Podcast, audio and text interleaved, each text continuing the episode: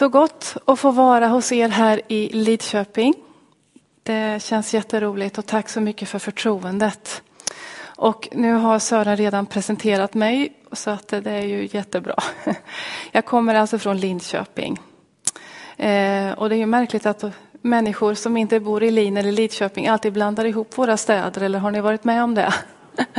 Jag menar, det är ju inget komplicerat eller, eller överhuvudtaget. Nej, ja, det är underbart. Och jag har en förväntan på vad Herren har för oss den här helgen, för det är Jesus det handlar om och ingenting annat. Det är han som är centrum för den här dagen. Och eh, jag tänkte bara eh, presentera lite grann om hur upplägget är för idag. Eh, första eh, delen här så tänkte jag tala om mitt vittnesbörd, vad Jesus har gjort i mitt liv. Eh, vad new age är för någonting, vad dess grundbudskap är och eh, vad dess mål är. Och lite grann om nyandliga strömningar inom våra församlingar. Sen blir det en liten bensträckare och efter bensträckaren så hade jag tänkt att tala om alternativmedicin och några av de vanligaste alternativmedicinska behandlingsmetoderna. Och sen tar vi fika och efter fikat så fortsätter jag och talar om andevärlden.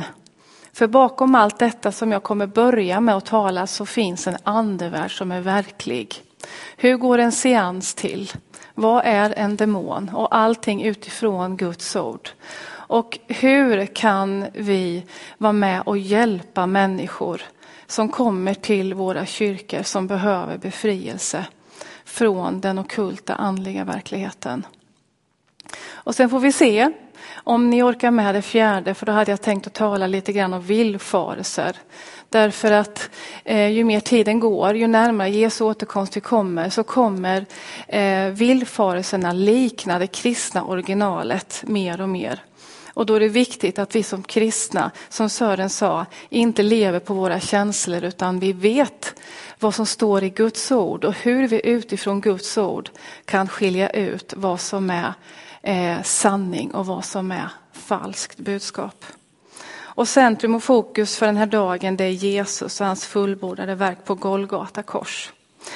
Och som Sören också sa, varför ska vi då tala om det övernaturliga? Ja, det handlar ju inte om att skrämmas, utan att vi behöver rustas. Jesus säger till oss i Matteus 24 och 4 när han talar om ändens tid och falska profeter att se till att ingen bedrar er. Och de här orden säger inte Jesus till hedningarna utan de här orden säger han till sina lärjungar. Paulus säger i första Korinthierbrevet 12 och 1 att bröder, jag vill inte att ni ska vara okunniga i de andliga tingen. Och vidare så säger Paulus i Fesebrevet 6 och 12 att vi strider inte mot kött och blod utan mot förstar och väldigheter här i mörkret, mot ondskans andemakter i himlarna. Och för nästan exakt nio år sedan så ringde jag till den förra föreståndaren hemma i Pingstkyrkan Linköping, för det är där jag är uppväxt. Eh, ni kanske känner igen hans namn, han heter Anders Ekstedt. Och jag sa till Anders ordagrant så här att jag har tre demoner vid min sida.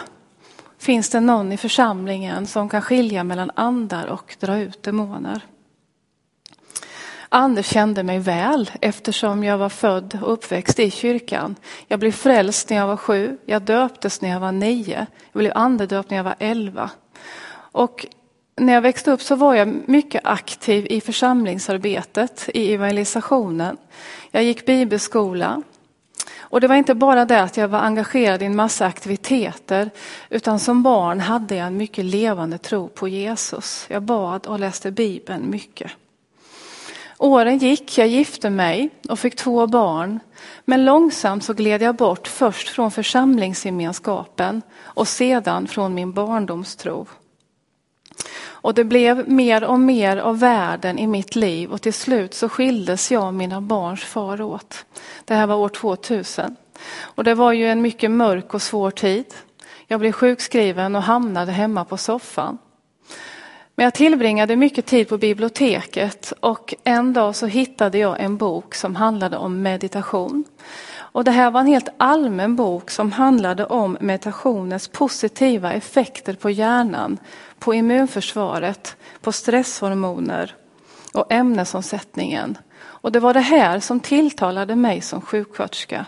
Den här boken stod inte bland den nyandliga litteraturen och jag var inte ett dugg intresserad av new age eller någonting sånt.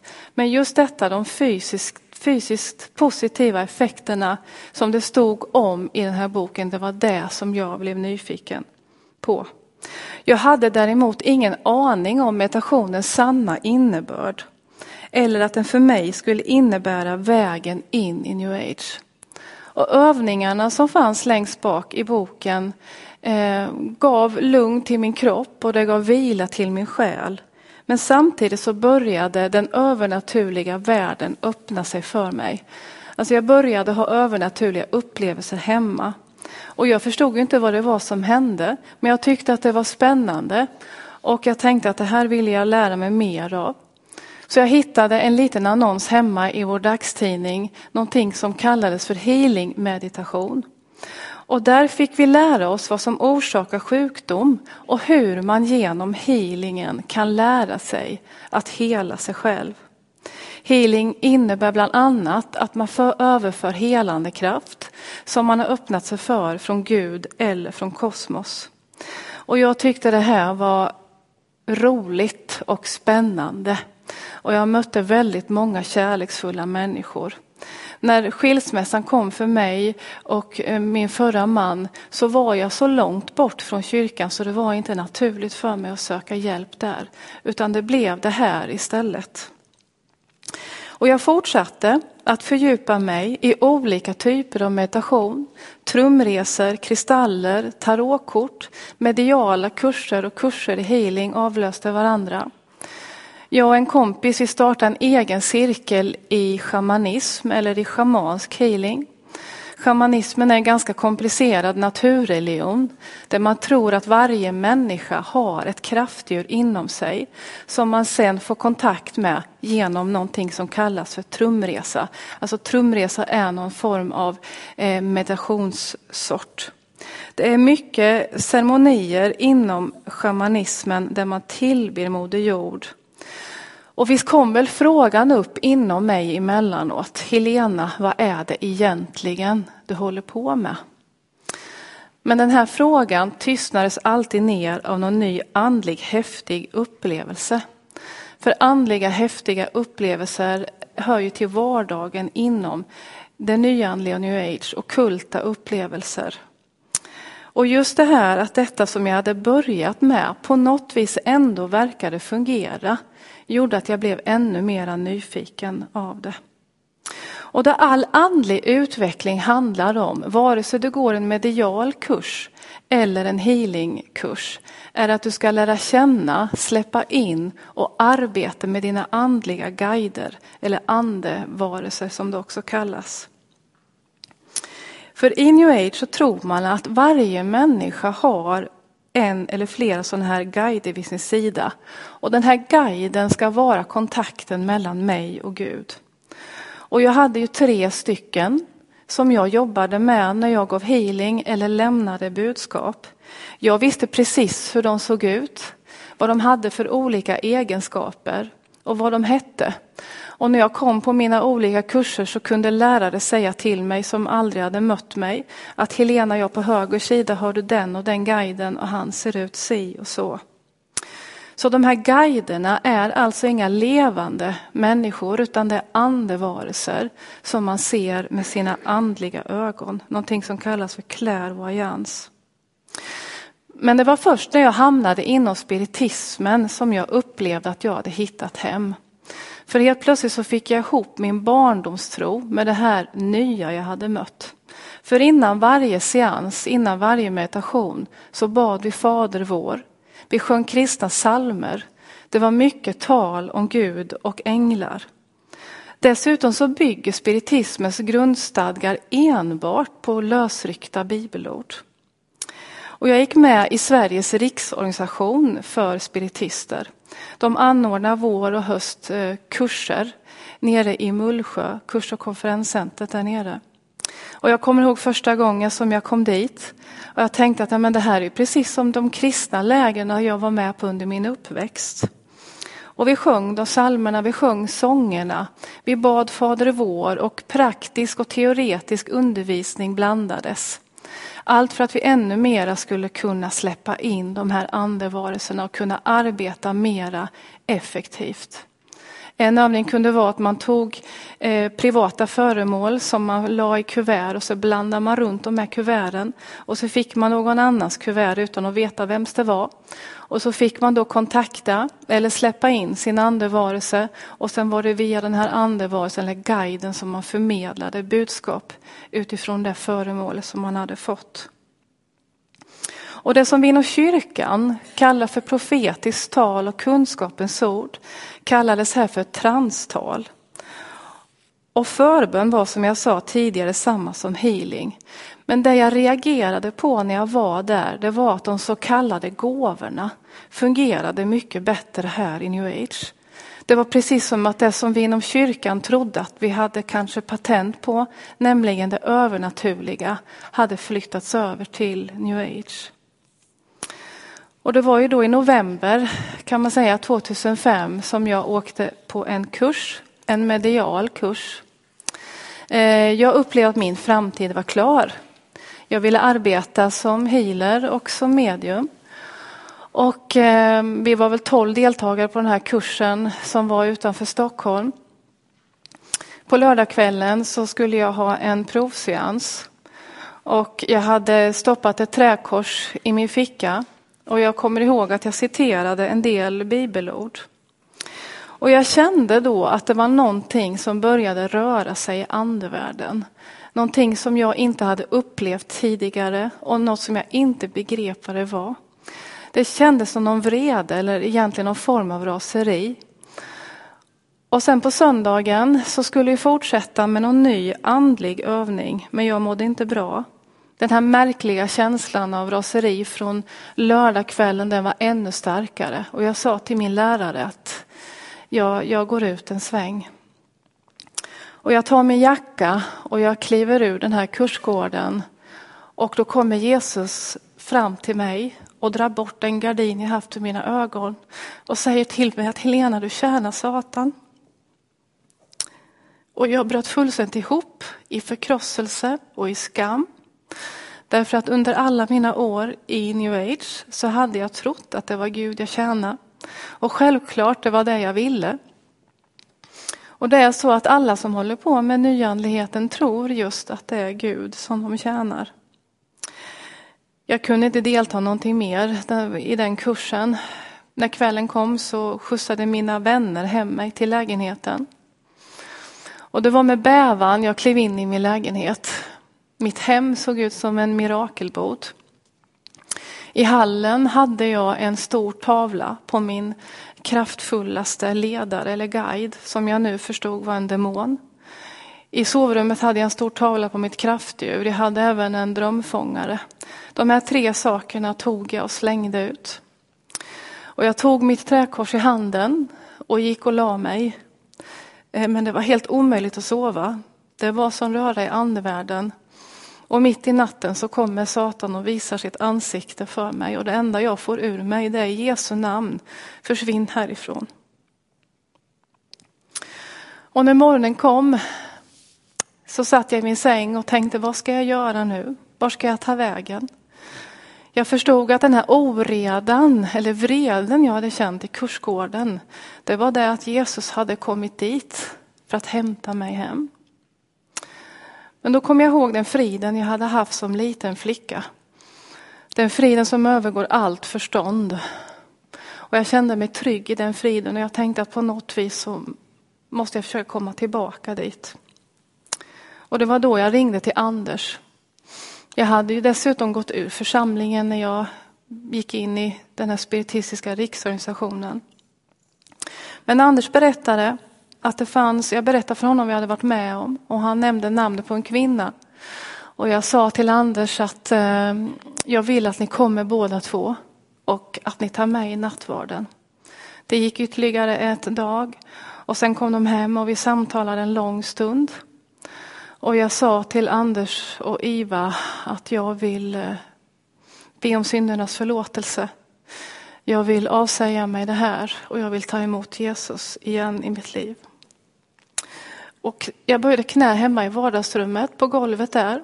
Och när man har levt i den okulta världen så är man van vid övernaturliga händelser och upplevelser. Men ingenting slår det jag fick uppleva hemma på mitt eget vardagsrumsgolv. Hur himlen öppnar sig över mig och hur det kommer en guldflod över och genom mig och jag hör Herrens röst säga Helena, du är min juvel.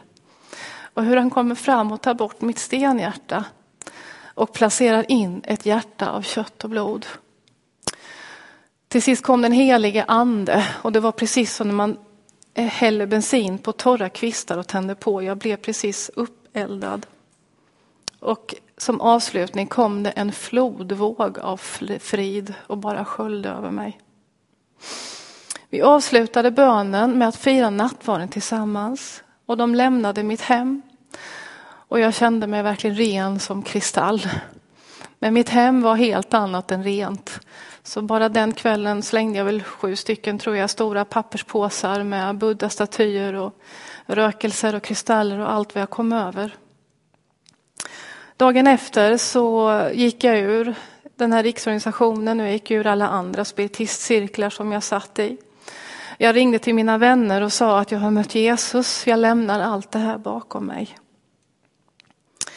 Och det här är som sagt var gått nio år sedan det här hände och jag vaknar varje morgon med sån tacksamhet att jag får ha Jesus som min Herre. Och att han kommer och lyfter mig så oförtjänt ur detta mörkret. Och dessutom att han har lovat att bevara mig, att han har lovat att fullborda sitt verk i mig. När jag levde i new age så åkte friden jojo. Jag var tvungen att fylla på med mera meditation och jag kunde lätt meditera bort en hel helg. Healingbehandlingar var också någonting som man var ständigt beroende av. För att när man var färdighealad på ett område så fanns det alltid något nytt område som behövde healing. Och var jag färdighealad i det här livet så fanns det alltid något tidigare liv som behövde healing. Sen var det också det att man blir beroende, eller jag var beroende av de här mediala konsultationerna. Inför varenda val som jag skulle ta så var jag tvungen att gå till ett medium, alltså fråga andevärlden.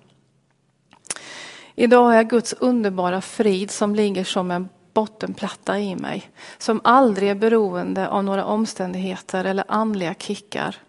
Att jag får bygga mitt liv på klippan Jesus Kristus och den sanning som Guds ord är. New age är ju ganska så utbrett idag och det blir ju på ett vis ännu mera, mera vanligt. Om man räknar med ungefär att tre miljoner svenskar på ett eller annat sätt har kommit i kontakt med eller är involverade i new age. Jorden delas in i olika tidsåldrar och enligt new age så har vi varit inne i fiskens tidsålder från Jesu födelse fram till år 2000. Och år 2000 så gick vi in i vattumannens tidsålder. Det är den vi lever i nu och den präglas av känslor, av upplevelser, av andlighet, att hitta sig själv samt att frigöra sig själv. New age betyder översatt den nya tidsåldern och det är en sammanblandning mellan alla religioner och livsfilosofier. New age är vår nya världsreligion där allt i universum uppfattas som en levande, ständigt skapande och oändligt medvetande enhet. Där människan anses vara av samma substans som universum själv. Någonting som kallas den levande anden. Och vi människor anses vara skapad med ett eget gudomligt inre och därför betonas den personliga andliga utvecklingen starkt. Positivt tänkande är viktigt och att med hjälp av till exempel yogan eller meditationen tömma sitt medvetande och på så vis få kontakt med sitt eget gudomliga jag. Och utbudet som har med new age att göra är ju enormt stort. Och ni har säkert alla hört att det brukar liknas vid ett smörgåsbord. Allt som ligger på det här bordet är tillåtet att tas av. Det finns ingenting som är rätt. Det finns ingenting som är fel. Men idag så möter vi new age egentligen inte bara i de andliga företeelserna utan på många andra områden. Vi möter det i självhjälpslitteraturen. Vi har det i heminredning som feng shui. Vi har det inom sjukvården med de alternativa behandlingsmetoderna. Går vi in på gymmet så finns det olika typer av yoga. Det finns musik, kläder och smycken. Och trösklarna in till new age har gjorts lägre så att vi som västerlänningar ska kunna anamma det lite lättare. Min väg in i det här var ju genom meditationen. Jag sökte lugn och vägledning i mitt liv.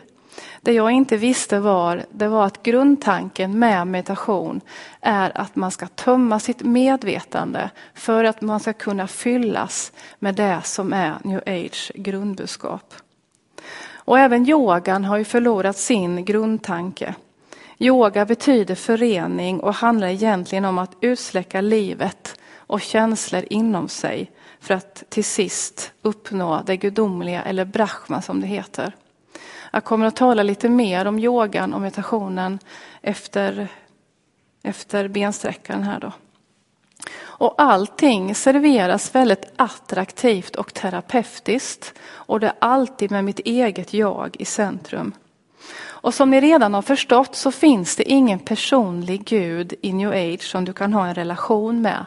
Utan Gud är en energi som genomströmmar kosmos. Gud finns i allt och allt kan tillbedjas.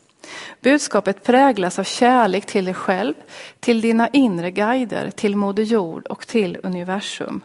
Och det är det här som kallas för panteism, det vill säga att allt är Gud. Allt har en gudagnista i sig. Trädet, stenet, stenen, du och ekorren. Och panenteismen, att Gud är i allt. Att allt är besjälat, att vi är besjälade med allt. Jag och trädet, du och stenen, eller du och en tulpan och vice versa. Det här är ju den asiatiska världsuppfattningen. Du behöver heller ingen frälsare, därför att det finns ingen synd att sona. Du är skapad med en inre gudagnista och du frälser dig själv genom att söka det gudomliga i dig själv. Och när du lärt dig att älska totalt, då uppnår du ett Kristusmedvetande. Varje människa anses alltså ha Kristus i sig, samtidigt som man väntar på att den nye Kristus eller Kristus Maitreya ska träda fram så att allt till slut blir ett. Det enda som anses ont inom new age är materien, min kropp, allt det yttre. Det ska jag avsäga mig och söka mig inåt. Och att uppnå ett Kristusmedvetande det är ju ingenting som man fixar i ett liv. Utan man behöver återfödas, alltså man behöver reinkarneras. Och i reinkarnationen så är karma-tänket grundpelaren. Karma betyder handling. Man samlar alltså goda handlingar, god karma, för att födas till något bättre i nästa liv. Karma står för det runda, det ständiga kretsloppet, där livet här och nu inte har någon annan mening än att jag ska samla goda handlingar för att kunna föras till något bättre i nästa liv och för att till sist då slippa att återfödas. Karma och nåd är ju varandras totala motpoler. Och lyckas du inte så bra i det här livet så får du en ny chans i nästa liv.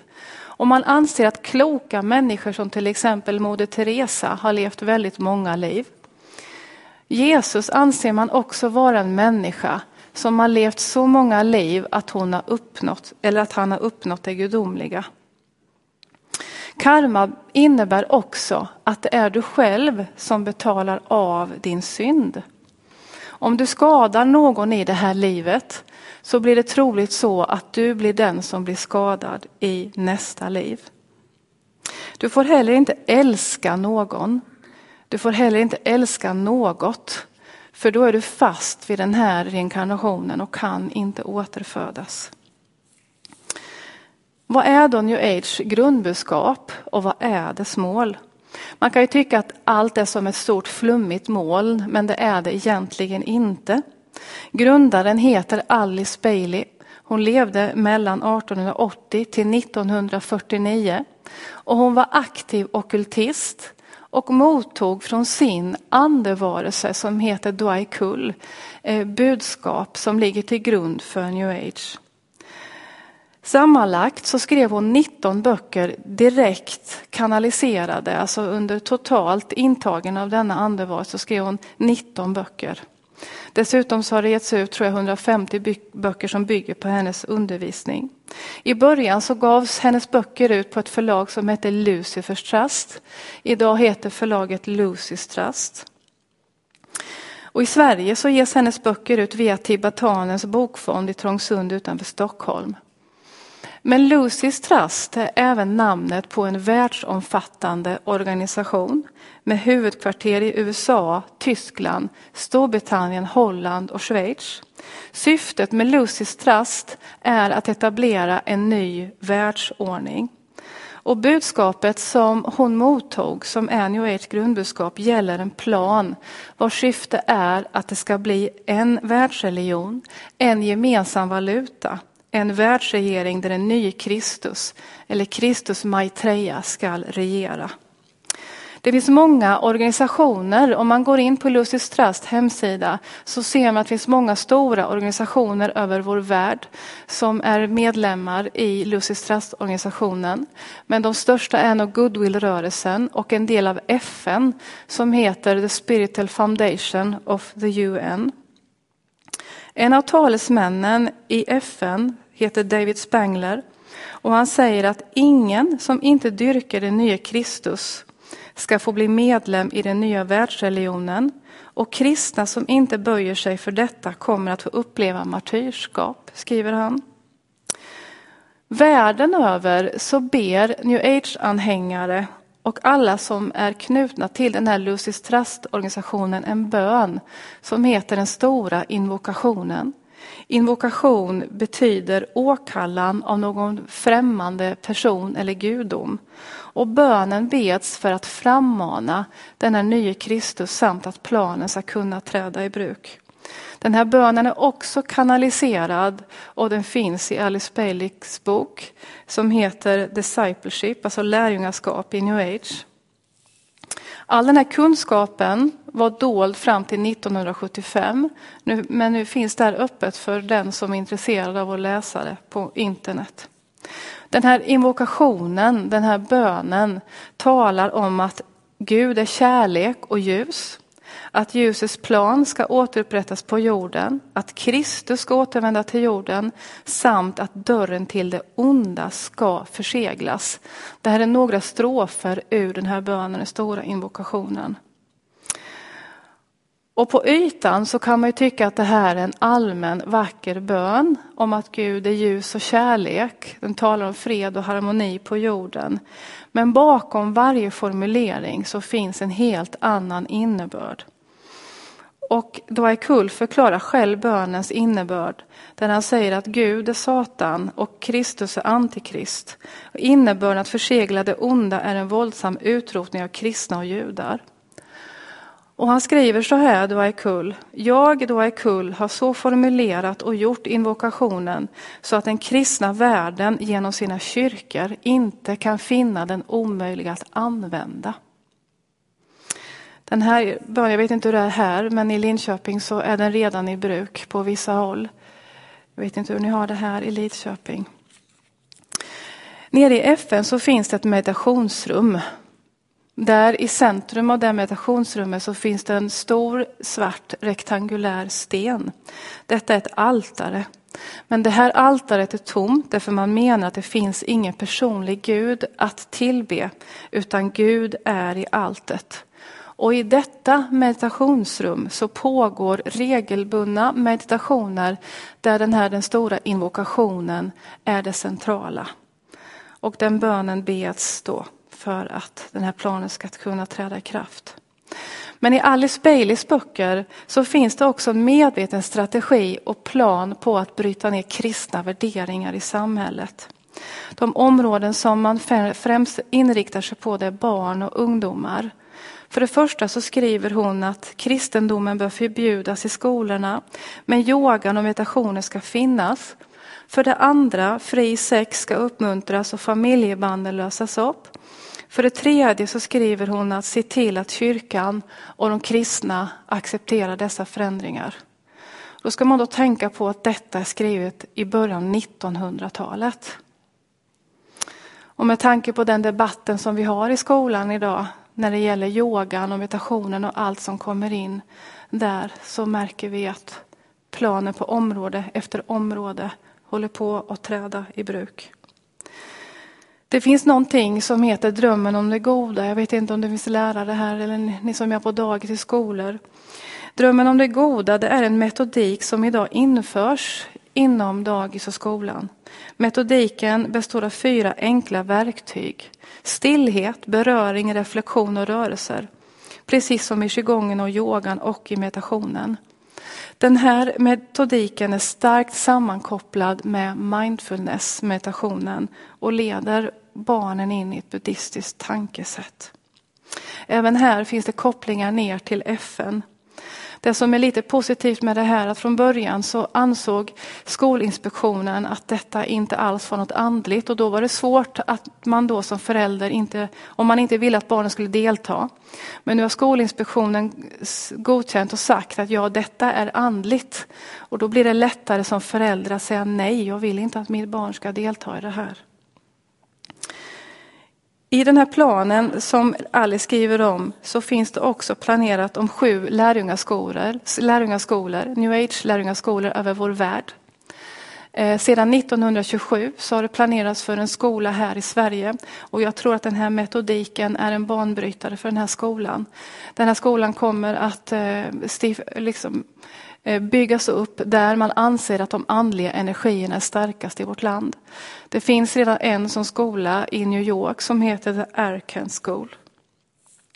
Men det som också är tydligt när man studerar den här planen det är likheterna med den profetiska beskrivningen som vi har i Bibeln om den yttersta tiden. Det står nämligen i den här planen att den kan bara träda i bruk när det gamla har röjts ur vägen. Och det gamla som står i vägen det är kristendomen med tron på Jesus Kristus som Guds enfödde son och som enda vägen till Gud. Samt en helige ande i oss som tagit emot honom. New Age mål är att utplåna all kristendom. Och när man har det här som grund så kan man ju tycka att det är lite märkligt när vi idag ser hur nyandligheten på olika sätt kommer in i våra kristna liv och i våra församlingar utan att vi egentligen reflekterar över det eller att vi vet vad det får för konsekvenser för oss. Jag hade sån andlig törst så att jag svalde allt bara det kändes bra och det fungerade. Jag, jag kollade aldrig om det överstämde med Guds ord och jag gick vilse. Ni känner till att i församlingar idag så anordnar vi kristen scenmeditation, kristen qigong, kristen yoga. Någonting som heter oneness-blessingen är på frammarsch och den utövades första gången på kristna mässan i Stockholm 2009. Oneness-blessingen, eller diksha, är en överföring av gudomlig intelligent energi som påverkar det mänskliga medvetandet till att uppleva enhet, högre medvetenhet och gudomlig närvaro. Och via guidade meditationer så leddes man då på den här kristna mässan i någonting som kallas för den här Deksha-processen, där man renar och öppnar kroppens chakra. Och när alla chakra är i balans, då är man redo att ta emot denna oneness-blessingen. Rötterna kommer direkt från hinduismen och är en välsignelse från en guru som heter Sri Bhagavan. Målet är att öppna det tredje ögat. Oneness-blessingen är det okulta andedopet kan man säga. Och även om det förekommer tungotal här så har det ingenting med den helige ande att göra. I den artikeln som stod i Dagen så säger prästen att det här har inget med new age att göra. Ytterligare en artikel som handlade om en, en annan församling där man hade en dag att prova på nyandliga övningar. I ett av rummen så fick man testa reinkarnation där man via meditation leddes in i ett tidigare liv. Enligt en biskop som uttalar sig i den artikeln så säger han att frälsningsbegreppet har fått en annan innebörd Fokus ligger inte längre på att Jesus dog för våra synder, utan det handlar om att vi ska kunna känna harmoni. Så utbytet av det som har med new age att göra är på många håll i vårt land helt öppet. Jag har en god vän till mig som arbetar som medium i 12 år. Han har varit frälst nu i nästan 15. Han utbildade medier uppe i norra Sverige. Nu reser han där och förkunnar om Jesus istället. Men han berättade när han var där, han satt och samtalade med en präst som sa att här är Svenska kyrkan delad. Präster har fått sparken som inte anammat det här nyandliga. Och några helger efter det att min vän hade åkt därifrån så hade de bjudit in en magiker på en konferens där att verka. Och ni vet idag att vi har en ärkebiskop som inte tror att Jesus är vägen, sanningen och livet, utan en väg. Och att alla religioner är likvärdiga. likvärdiga att alla ber till samma Gud. Biskopen menar att jungfrufödseln är mytologisk. Hon tror inte heller på helvetet eller på Bibeln, utan hon menar att hon tror med Bibeln. Men om vi går lite närmare, om vi går innanför våra kyrkdörrar, så hörs namnet Jesus inte lika mycket som förut. Det går jättebra att sitta faktiskt på en hel gudstjänst utan att man hör namnet Jesus en enda gång. Och det är väldigt sorgligt för det är bara i namnet Jesus som jag har befrielse, helande och upprättelse. När vi uttalar namnet Jesus så påminns Satan att han är besegrad, att han får ge vika. Vi får aldrig glömma bort kraften i namnet Jesus. Och det blir så påtagligt när man rör sig i nyandliga sammanhang. Det går hur lätt som helst att prata om Gud och änglar och allt annat. Men så fort man börjar tala om Jesus, Jesus Kristus, så märker man att det blir en oreda. De nyandliga strömningarna märker vi också i förkunnelsen. Att vi har fått ett uddlöst budskap där talet om korset, Jesu blod, himmel och helvete inte längre har någon plats. Alltså vi börjar plocka ur delar ur evangeliet som vi anser vara stötande för icke-kristna. Och det här är ju egentligen tidstypiskt för den sista tiden. Paulus skriver i andra Timoteusbrevet kapitel 4, vers 3. Ty det ska komma en tid då människor inte längre ska stå ut med den sunda läran, utan efter sina egna begär ska de samla åt sig mängder av lärare.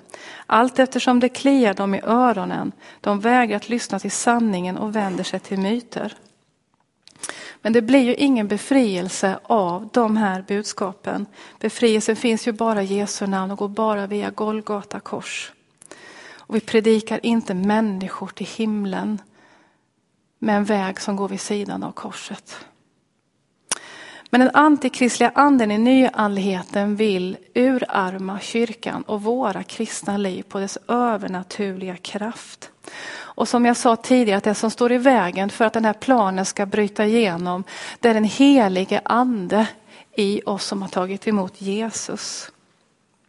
Utan den helige ande så förlorar vi Herrens närvaro i våra liv och det är det dyrbaraste vi har. Jesus talar om att det är sanningens ande som talar om vad som komma skall. Jag samtalade med en pensionerad pingspastor som berättade att när han gick i pension då inkallades alla eh, församlingens profeter och blev tillsagda att de inte längre fick profetera i församlingen. Idag har jag också, jag reser ju en del och i vissa kyrkor får man inte längre använda sitt tungotal mer än hemma i sitt hem. Och jag tror i och för sig att det finns två diken här och det ena är när man fokuserar enbart på den heliga andes manifestationer så att Jesus inte längre kommer i centrum och man får mera kötsliga manifestationer. Det andra diket är när man är så rädd för just kötsliga manifestationer att man helt stänger av den heliga ande att verka. Men det övernaturliga andens liv som Bibeln talar om upplevs aldrig stötande eller kränkande det förhärligar alltid Jesus och det för alltid Jesus in i centrum. Och jag kan berätta en liten händelse hemma i församlingen. Det här var inte Borensberg utan en annan församling jag var medlem i. Vi hade bön och jag stod på ena sidan och bara var inför Herrens ansikte och bad, inget konstigt alls. Eh, så kommer det fram en kvinna i gången och rycker pastorn i rocken som står längst fram och ropar mitt i alltihopa till mig och frågar ifall jag kan prata arabiska. Och jag sa nej, jag kan inte ett ord arabiska. Och då säger hon under tårar, jo du ber på arabiska och du säger bland annat pappa jag älskar dig. Och den här muslimska kvinnan hon var precis nyfrälst. Och detta blev ett enormt vittnesbörd för henne som hon bar med sig sen till sina anhöriga och till sina grannar. Jesus blev förhärligad och det blev till ett vittnesbörd för hennes släkt och vänner. En liten sak nu innan bensträckaren. Eh, när jag är ute så får jag alltid frågor om detta med radband. Och jag hade mycket radband och bilder när jag var spiritist. Och de här var hjälpmedel för att föra mig djupare in i meditationen. Idag finns det ju många kristna radband och bilder som används också som ett bönehjälpmedel. Jag tror att det är bara genom Guds nåd som gör det möjligt för mig att vara i hans närhet. Daniel skriver i kapitel 9, vers 18. Ty det är inte på grund av vår rättfärdighet utan på grund av din stora barmhärtighet som vi kommer inför dig med våra böner. Den tid vi lever i idag påminner mycket om tiden i första Samuelsboken när Eli var präst. Där står det att budskap från Herren var sällsynta. Men för Eli var ceremonier och symbolhandlingar som tillhörde gudstjänstlivet viktigare än den Gud som var föremål för det. För Eli och hans söner så ledde detta till att de dog. Och jag tror att för oss kristna så leder det till en andlig bundenhet. När jag sätter min tilltro till ett ting så slår jag ut nåden och ställer mig själv i centrum. Förut så styrde jag mitt andliga liv helt själv. Idag har jag ingenting att komma med, jag får komma inför Herrens ansikte genom hans nåd. Vad mer att säga om det här med radband? Ja, radbandet är guden Brahmans speciella kännetecken. Och det mest populära radbandet i Sverige det är nog Frälsarkransen. På Frälsarkransen så finns det ingen Jesuspärla. Och upphovsmakaren till Frälsarkransen skriver i sin bok Det visa hjärtat att alla världsreligioner skall förenas med påven som den självklara andliga ledaren. Det här radbandet, jag vet inte om det var 2006 som det presenterades i Vadstena eh, klosterkyrka, men Motala tidning var där. Och intervjuade då eh, han som har tagit fram det. Och han säger att frälsaren har vi alla gemensamt. Det är framtaget för att kunna användas av alla oavsett religiös tillhörighet. Därför att frälsaren har vi alla gemensamt, bara att vi kallar honom med olika namn. Men på radbandet finns också enligt honom den viktiga jag-pärlan. Om du tränar på att säga jag är en pärla till dig själv så kan du så småningom säga du är en pärla till en annan människa. Säger han i den här artikeln. Och jag vet inte varför jag ska säga det här men egentligen har inte det här någonting med nyandligheten att göra. Men eftersom jag är uppväxt i kyrkan på 80-talet så märker man ju förändringarna. Och att jag har levt ute i världen och i den okulta världen. Så vi kristna har börjat dricka alkohol. Och eh, jag vill bara säga en sak när det gäller detta. När jag var spiritist och inom nyandligheten och new age, då fick vi lära oss att om jag drack alkohol så blev jag andligt obrukbar. Drack jag alkohol så öppnade jag för onda energier. Så säger new agearna. Och om vi då kristna, vi är ett tempel för den heliga ande. Hur mycket mer noga ska vi inte vara? Det är bara en liten eh, tanke som jag sänder med er. Hur det är inom den världen. Att man blir andligt obrukbar. Att man kan öppna för onda energier. Så lär man där. Och som jag nämnde tidigare så berörs vi ju av det här med nyandligheten på många andra områden. Bland annat alternativmedicinen och där tänkte jag ta efter bensträckan.